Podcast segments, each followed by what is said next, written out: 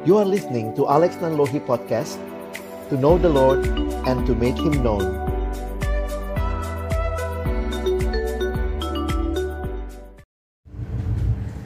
Sebentar lagi kita akan mendengarkan firman Tuhan yang akan dibawakan oleh Bapak Alex. Mari kita siapkan hati dan pikiran kita untuk mendengarkan firman. Dengan segenap hati kita nyanyikan lagu Kejar.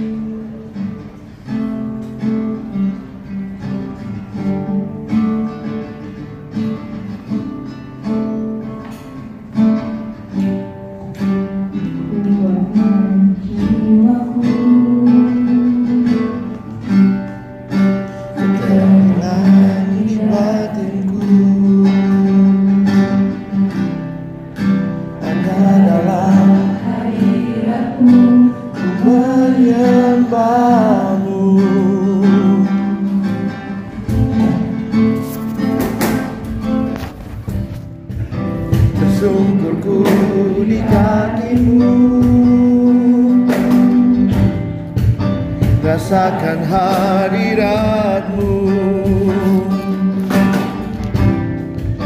Takkan ku melepaskanmu Kau cahaya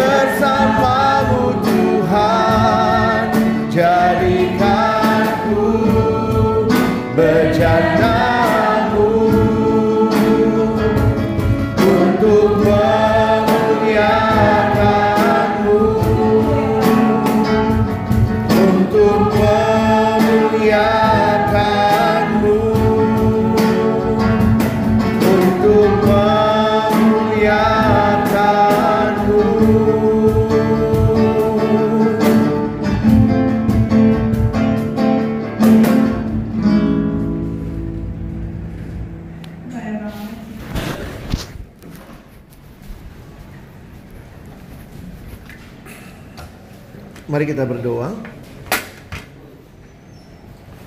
Bapa di dalam surga, kami bersyukur untuk cinta kasih dan anugerahmu bagi kami. Kembali siang hari ini kami boleh datang beribadah, memuji, memuliakan namamu. Tiba waktunya bagi kami untuk membuka firman-Mu. Kami mohon ya Tuhan, bukalah juga hati kami. Jadikanlah hati kami seperti tanah yang baik.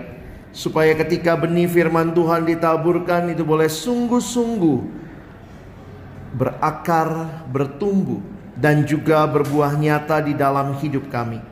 Berkati hambamu yang menyampaikan, dan setiap kami yang mendengar, Tuhan tolong kami semua, agar kami bukan hanya jadi pendengar-pendengar firman yang setia, tapi mampukan kami dengan kuasa dari rohmu yang kudus, kami dimampukan menjadi pelaku-pelaku firman-Mu di dalam kehidupan kami. Bersabdalah ya Tuhan, kami umatmu sedia mendengarnya. Di dalam satu nama yang kudus, nama yang berkuasa, nama Tuhan kami Yesus Kristus. kami menyerahkan pemberitaan firman-Mu. Amin. Shalom. Selamat siang teman-teman sekalian. Kita bersyukur boleh beribadah pada hari ini dan tema yang diberikan kepada kita hari ini adalah integritas orang percaya. Saya akan angkat dari kitab Daniel membahas sedikit beberapa prinsip yang penting untuk kita lihat. Tapi saya ingin kita mengerti juga integritas sebenarnya dalam bahasa Inggris disebut sebagai integrity. Ini adalah satu kualitas karakter.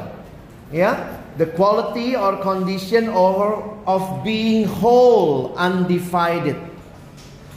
Jadi kalau kita tahu kata integrity itu sebenarnya rootnya sama dengan kata integral. Integral, integrity, apa artinya integral? Bulat, utuh. Jadi kalau orang bilang lo lu makin integral kamu ya. Jadi utuh, jadi tidak terpecah-pecah. Nah ini yang mau disampaikan waktu bicara tentang integrity Khususnya bagi kita orang percaya Kita bicara integrity before God Integrity is doing the right thing when no one is watching Saya pikir bagi kita orang percaya justru karena ada pribadi Allah yang maha tahu Yang melihat maka kita hidup di hadapannya Dalam bahasa latin ungkapan ini biasa disebut sebagai koram deo, living in the presence of God. Dan itu yang saya mau angkat dari pengalaman Daniel. Kenapa kita belajar dari pengalaman tokoh Daniel? Saya pikir ayat ini bisa menolong kita menghayati ya. Kita baca sama-sama. Sebab segala sesuatu yang ditulis dahulu telah ditulis untuk menjadi pelajaran bagi kita supaya kita teguh berpegang pada pengharapan oleh ketekunan dan penghiburan dari kitab suci.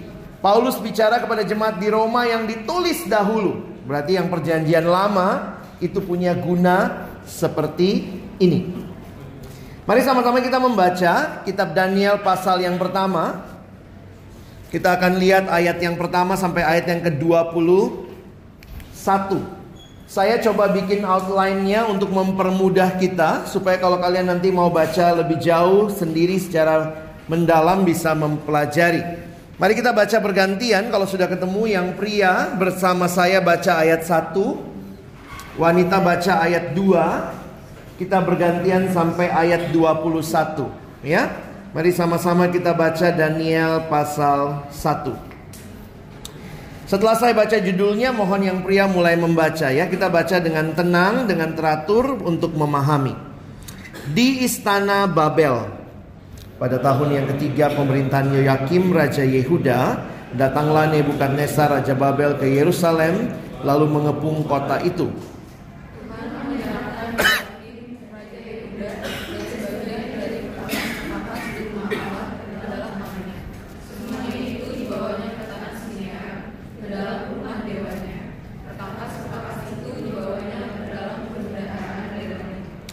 Lalu raja bertitah kepada Aspenas, kepala istananya, untuk membawa beberapa orang Israel yang berasal dari keturunan raja dan dari kaum bangsawan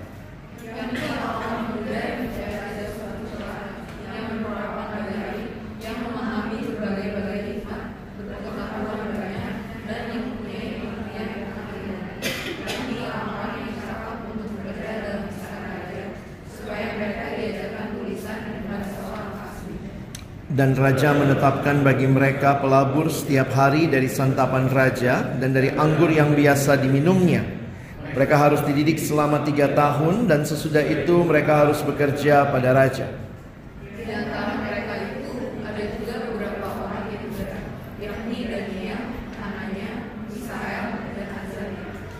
Pemimpin pegawai istana itu memberi nama lain kepada mereka. Daniel dinamainya Belsasar, Hananya dinamainya Sadrah, Misael dinamainya Mesah, dan Nasaria dinamainya Abednego. Daniel berkata untuk tidak menajiskan dirinya dengan santapan raja dan dengan anggur yang biasa disajikan raja. Jadi tanyalah kepada pemimpin di bawah istana itu supaya ia tak usah menajiskan dirinya. Maka Allah mengaruniakan kepada Daniel kasih dan sayang dari pemimpin pegawai istana itu.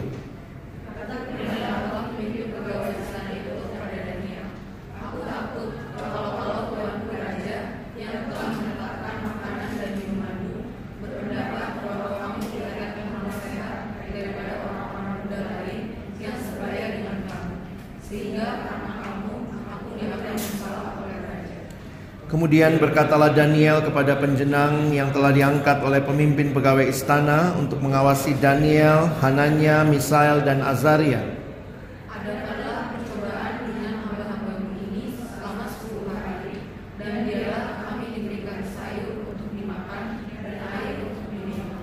Sesudah itu bandingkanlah perawakan kami dengan perawakan orang-orang muda yang makan dari santapan raja.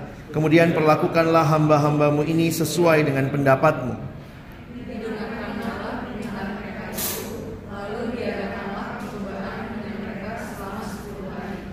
Setelah lewat 10 hari, ternyata perawakan mereka lebih baik dan mereka kelihatan lebih gemuk daripada semua orang muda yang telah makan dari santapan raja.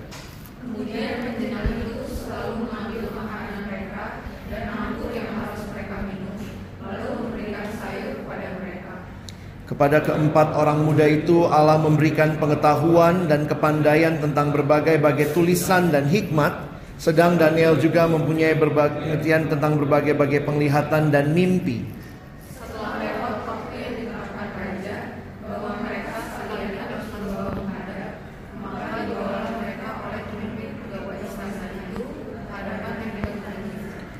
Raja bercakap-cakap dengan mereka dan di antara mereka sekalian itu tidak didapati yang setara dengan Daniel, Hananya, Misael, dan Asaria, maka bekerjalah mereka itu pada raja.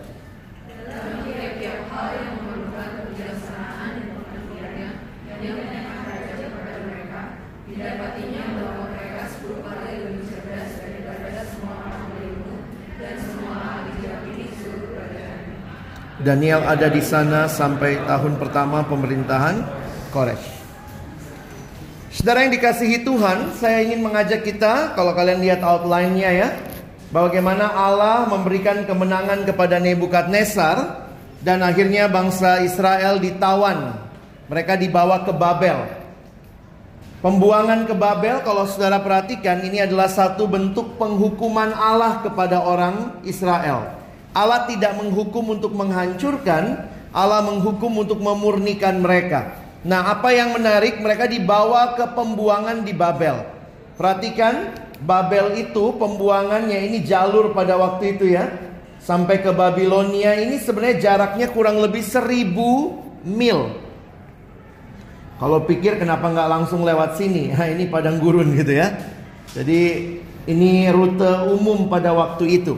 Jadi dibawa jauh dari tempat tanah mereka. Dan kalau kalian perhatikan, lihat apa yang terjadi bahwa Nebukadnezar ini memilih beberapa orang untuk dibuang atau untuk dijadikan pekerja di dalam istananya dia. Sedikit keterangan, Israel dibuang dari tanah mereka ke tanah asing selama 70 tahun. Apa artinya pembuangan? Saya katakan tadi memang dosa mendatangkan kehancuran dan penghukuman Allah. Tetapi di dalam pembuangan juga Tuhan memurnikan Israel. Nah, perhatikan, saya coba menghayati kira-kira Daniel ini umur berapa waktu dibawa ke Babel? Umur berapa kira-kira? 17 tahun? 18 tahun? Kata Ibrani orang muda yang dipakai itu menunjukkan Daniel kira-kira usianya 14-an tahun. Ini mungkin masih SMP kali ya. Jadi saya ingin kita belajar hari ini dari imannya anak SMP yang mengerti apa artinya integrity. Saudara jangan lupa pada waktu itu ada konsep, konsepnya apa? Kalau bangsa berperang melawan bangsa, maka yang berperang juga Allahnya. Karena itu waktu Allah Israel atau Israel kalah perang, maka semua perbendaharaan dari rumah Allah dibawa ke rumah dewa mereka. Itu yang kita baca tadi di ayat 1 dan ayat 2. Tapi bagi saya menarik sekali karena Daniel ini punya konsep yang justru sangat jelas. Pada waktu itu konsep Allah itu teritorial. Allahnya Mesir ya dia berkuasa di Mesir. Kalau dia pindah sedikit, nah ini Allahnya misalnya orang Filistin. Pindah lagi Allah yang lain. Tetapi orang seperti Daniel bagi saya luar biasa di dalam kemudaannya Daniel tahu bahwa Allahnya itu Allah internasional, ya. Allah lain kalau pindah lokasi roaming, Allahnya Daniel tidak. Bayangkan ya, ini udah jauh banget tadi kan? Kadang-kadang saya mikir gitu ya, kalau Daniel ada di sini ya ampun jauh kok dari Yerusalem. Kompromi aja dikit. Gitu ya. Tapi kemudian kita lihat Daniel dibesarkan, masa remajanya ada di tengah-tengah situasi bangsa asing yang juga budayanya pasti asing, yang mungkin juga bahasanya juga berbeda. Perhatikan, Daniel dibesarkan di tengah Israel yang berdosa, yang hancur karena moralitas. Jadi bayangkan Daniel itu masa kecilnya di Israel yang hancur lebur. Karena itu Tuhan buang Israel. Lalu masa remajanya di tempat yang tidak kenal Allah. Tapi saya lihat prinsip ini. Tidak ada dali iman runtuh hanya karena lingkungan bobrok. Hati-hati ya kita excuse-nya begitu. Habis temen gue semua hacker sih. Terus harus jadi hacker. Gak ada pilihan bang. Loh selalu ada pilihan. Dan kalian yang harus memilih. Kadang-kadang gak mudah. Kita lebih sering menyalakan lingkungan. Abis semuanya nyontek. Gue nyontek. Abis semuanya juga copy paste doang. Gue lakukan juga. Jadi hati-hati.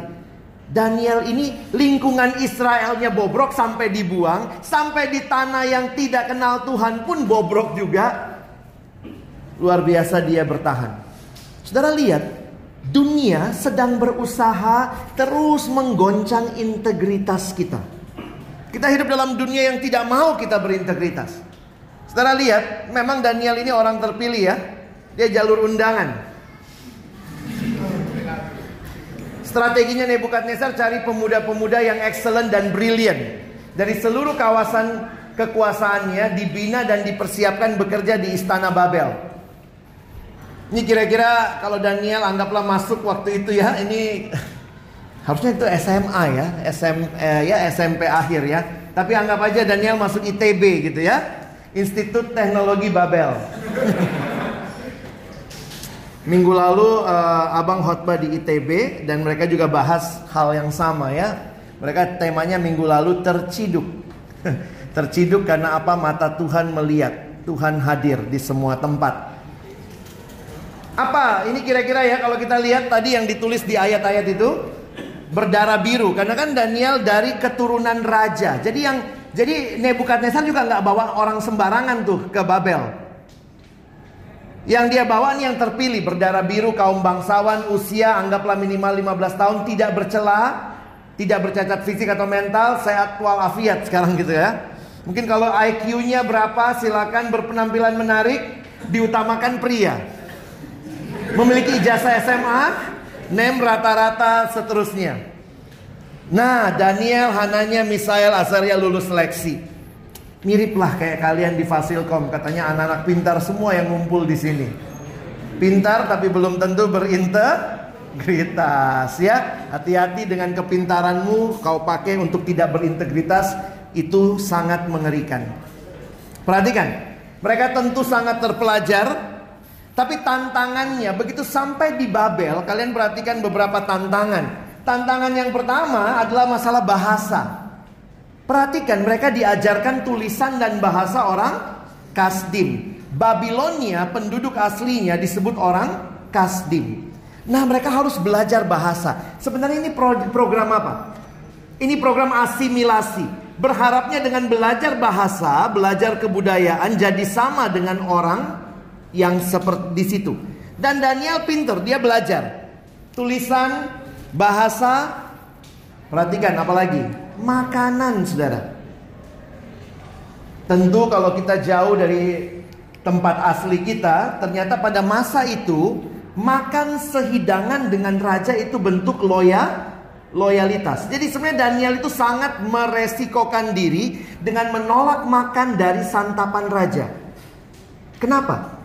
Karena waktu kita perhatikan makanan-makanan yang biasa oleh orang Kasdim itu makanan-makanan haram.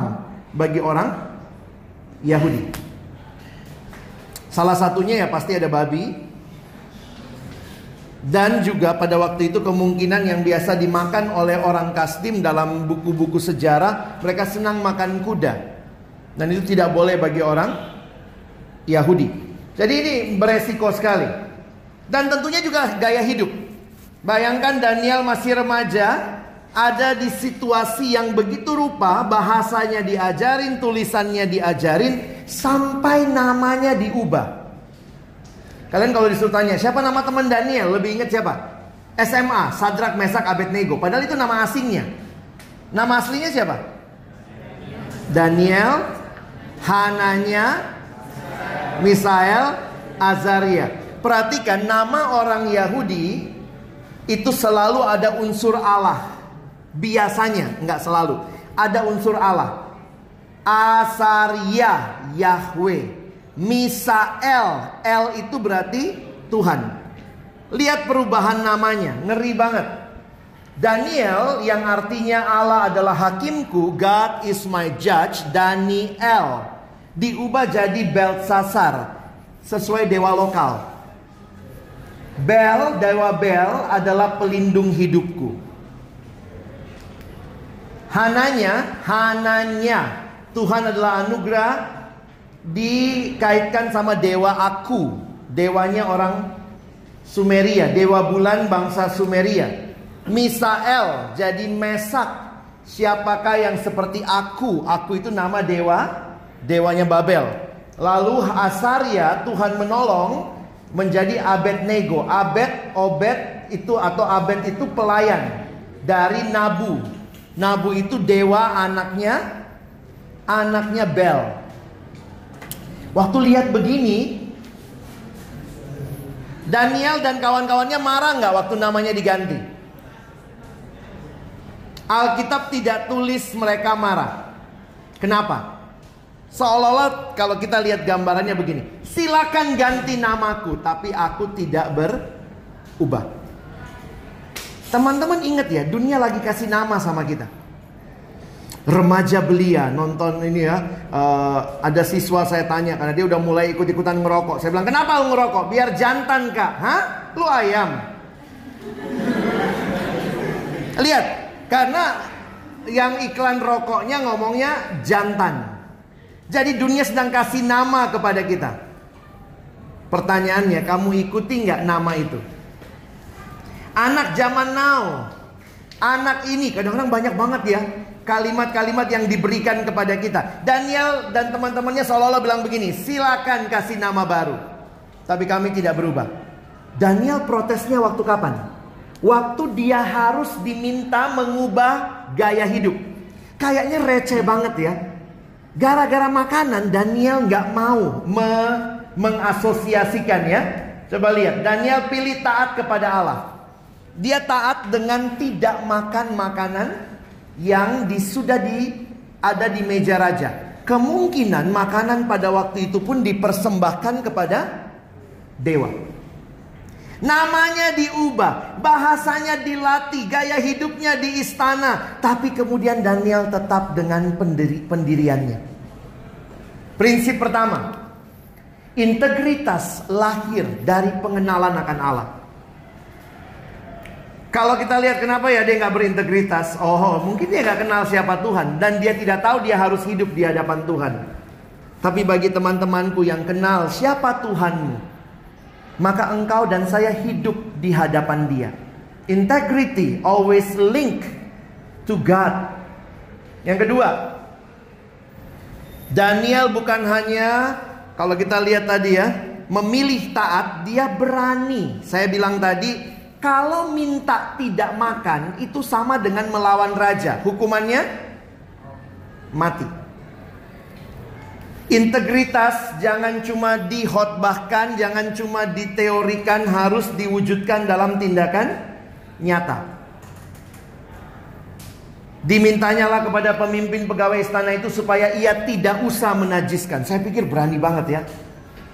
Gimana nih kalau dosen proyek bareng terus ngajak kamu nggak berintegritas? Tiga temenmu oke okay, sama dosen yang nggak berintegritas. Satu, tinggal kamu. Milihnya apa? Ya sudahlah, ikut aja. Kadang-kadang nanti dalam hidup, dalam pergumulan pekerjaan, ada situasi-situasi yang sulit. Saya ingat seorang alumni kita cerita betapa takutnya waktu dia dalam pekerjaan harus memilih karena dosennya, bukan dosen, karena pimpinannya minta dia bikin pembukuan ganda atau proposalnya dua. Dia bilang, aduh saya takut banget, masih baru merintis karir, kalau saya tidak ikutin kemungkinan besar dipecat. Tapi itulah kita ya, udah mikir-mikir padahal belum tentu dipecat. Jadi hari itu setelah semua temennya oke, dia tetap tidak oke, dia bilang nggak benar seperti ini, dia memutuskan menghadap pimpinannya. Dan itu memang nggak mudah ya. Dia bilang sebelumnya saya masuk ke toilet 15 menit doa di toilet gitu ya, baru kemudian ketuk. Pak, saya mau bicara. Pak, maaf. Saya nggak bisa lanjutkan proyek ini, nggak sesuai hati nurani saya. Ya nggak usah terlalu ngomong agama dulu gitu ya. Tadi bilang lu fanatik amat gitu ya. Kenapa? Enggak pak, nggak bisa saya. Saya juga akhirnya ngomong, saya juga punya Tuhan pak. Saya nggak bisa begini. Bosnya diem. Lama bosnya mandangin dia, dia udah takut nih. Oh, apa nih? Terus bosnya ngomong begini. Orang kayak kamu yang saya cari. Kaget dia itu ya. Ya, ini cerita sukses story-nya ya. Ada yang lain juga ya. Orang kayak kamu keluar gitu ya.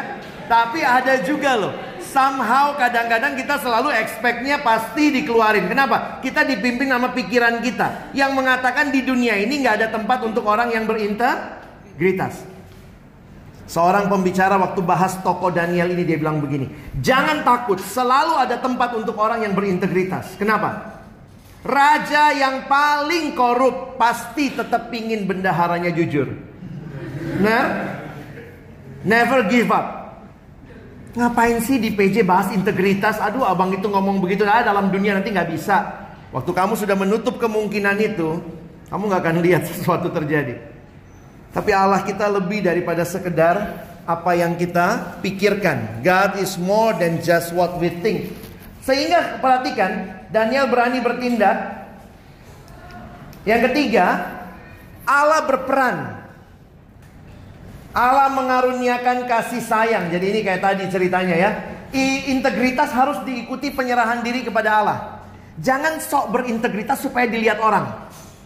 Biar nanti gue punya sukses story yang gue ceritain kalau jadi pembicara. Bukan. You need to have your own integrity with your surrender to God. Kamu perlu ingat serahkan diri kepada Tuhan karena kita nggak tahu apa yang mungkin terjadi.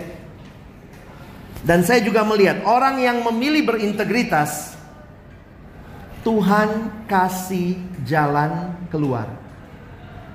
Kalimat yang menarik bagi saya, Daniel memberi alternatif. Jadi waktu si Aspenas bilang, aduh Dan saya nggak berani nih Dan. Kalau kamu begini raja bisa murka. Dia punya solusi. Gimana? Adain tes. Kan masalahnya bukan di makanan, di badan. Badannya siapa yang paling bagus perawakannya. Oke deh, tes. Kami nggak makan itu, kami makan sayur-sayuran. Lalu akhirnya mereka lebih lebih sehat kelihatannya. Saya kalimatkan begini. Orang yang memilih berintegritas, Tuhan akan kasih kamu hikmat untuk melaluinya. Makanya jangan pilih, jangan di pikiran kita duluan milih, nggak bisa gue berintegritas. Kalau engkau memilih Tuhan saya mau taat. Tuhan tolong saya. Saya yakin Tuhan kasih jalan keluar. Tantangan yang dihadapi selalu ini. Oposisi atau kompromi. Dan hal yang terakhir dalam konteks Daniel, integritas mendatangkan berkat. Memang sering kali melaluinya sulit, tetapi hasil akhirnya. Perhatikan kalimatnya. Raja bercakap-cakap dengan mereka di antara mereka sekalian tidak didapati yang setara dengan Daniel, Hananya dan Misa dan Asaria, maka bekerjalah mereka itu kepada raja. Teman-teman muncul pertanyaan saya di akhir pembahasan ini. Apakah Raja Nebukadnezar cuma bawa empat orang pemuda Yahudi?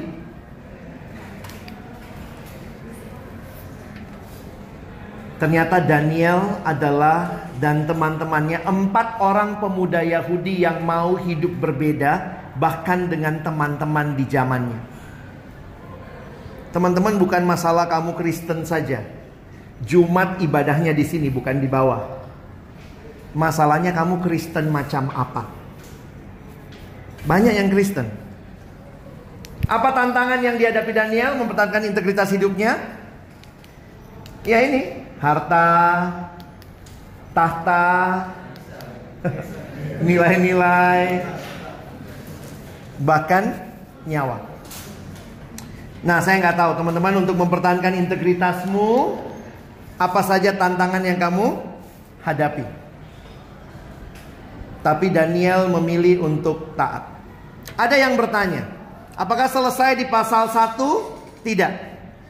Di pasal yang ketiga, kita lihat tiga orang teman Daniel masuk ke dapur perapian. Ada yang nanya, Danielnya ke mana? Ada kemungkinan Daniel di kota lain. Jadi memang bekerja di tengah. Jadi Raja Nebukadnezar udah lihat ini pinter banget nih. Tapi ternyata rajanya juga bikin patung, sembahlah patung itu. Tiga orang teman Daniel nggak mau. Akhirnya masuk dapur perapian. Saya nggak katakan kalau sekali berintegritas success story will follow you the whole of your life. No. Kadang-kadang sulit. Tapi saya melihat luar biasa Tuhan memimpin. Bahkan di dalam dapur perapian, mereka melihat ada satu orang yang muncul. Itu gambaran malaikat Tuhan kehadiran Kristus di perjanjian lama. Tuhan meneguhkan, tidak ada satupun yang terbakar. Pasal yang ke-6. Jadi Daniel melewati berapa raja? Siapa rajanya pasal 1? Nebukad Nesar. Siapa raja pasal 2? Masih Nebu Kadnesar. Pasal 3? Masih Nebu Kadnesar. Pasal 4? Masih Nebu Kadnesar. Pasal 5? Bel Belsasar. Kemungkinan itu anaknya Nebu Kadnesar. Siapa raja pasal 6? Darius. Darius itu tidak ada hubungannya dengan kerajaan Babel. Karena dia sudah kerajaan Media dan Persia. Darius orang Media. Pertanyaan saya terakhir. Antara Daniel 1 sama Daniel 6 itu jaraknya berapa tahun? Sudah dua, dua kerajaan, tiga raja berganti.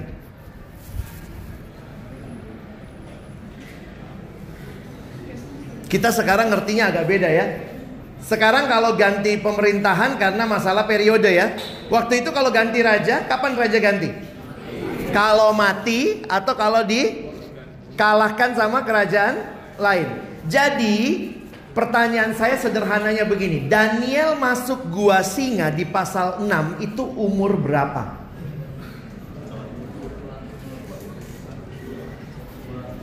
Dua kerajaan, tiga raja. Ada yang hitung-hitung, oh paling Daniel kan tadi umur 14 bang. Paling masuk gua singanya umur 17.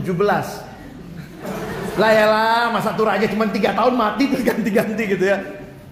Saudara tahu penyelidikan sejarah mencatat berapa usia Daniel masuk gua singa? Antara Daniel 1 sampai kerajaan berganti di Darius orang Media itu jaraknya 60 tahun. Daniel yang masuk gua singa, Daniel umur 80 tahun. Jangan bilang oh pantas singanya nggak mau, enggak ya. Jangan gitu. Ah, opung itu opung itu ya. Udah kriuk-kriuk gitu. Teman-teman perhatikan. Selama 66 tahun, apa rekor yang dicatat? Kita baca ayat terakhir ya. Daniel pasal 6. Yuk kita baca Daniel pasal 6. Teman-teman tolong lihat ayatnya yang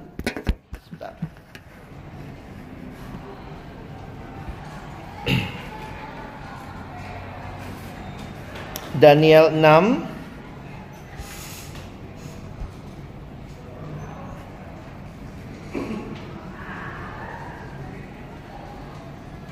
Sebentar.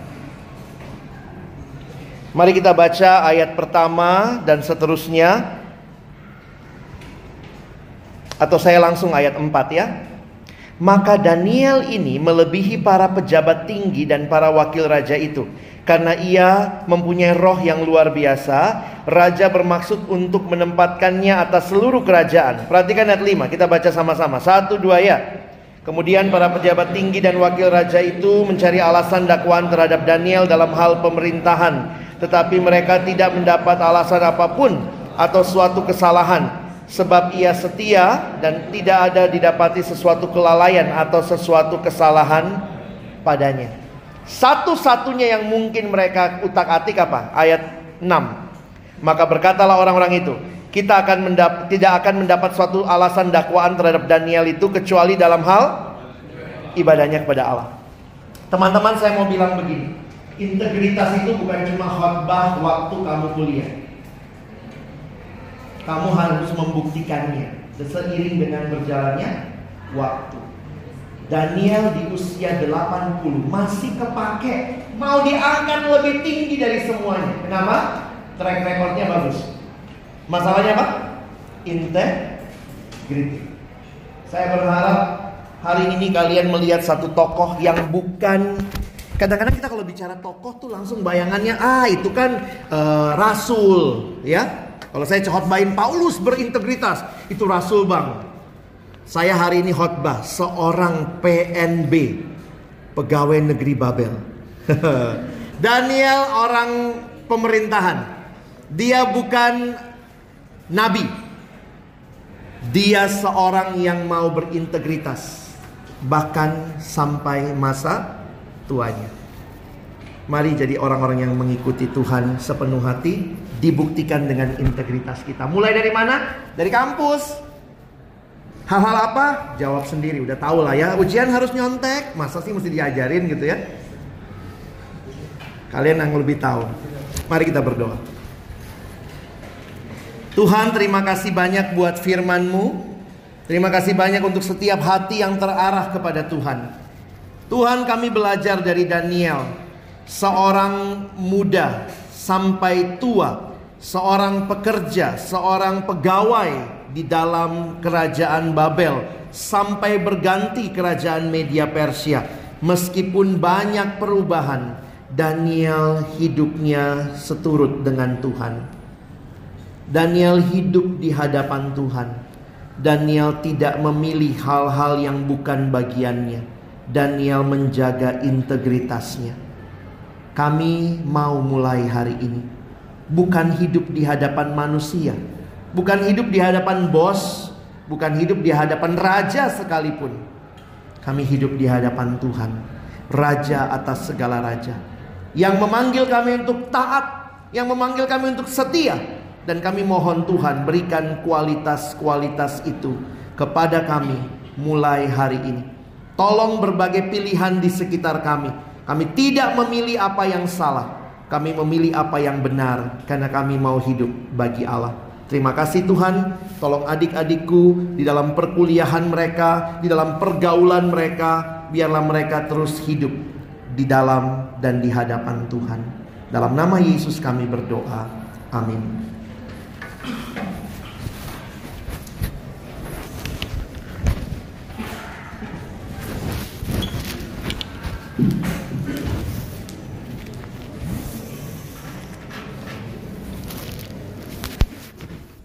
Good hit.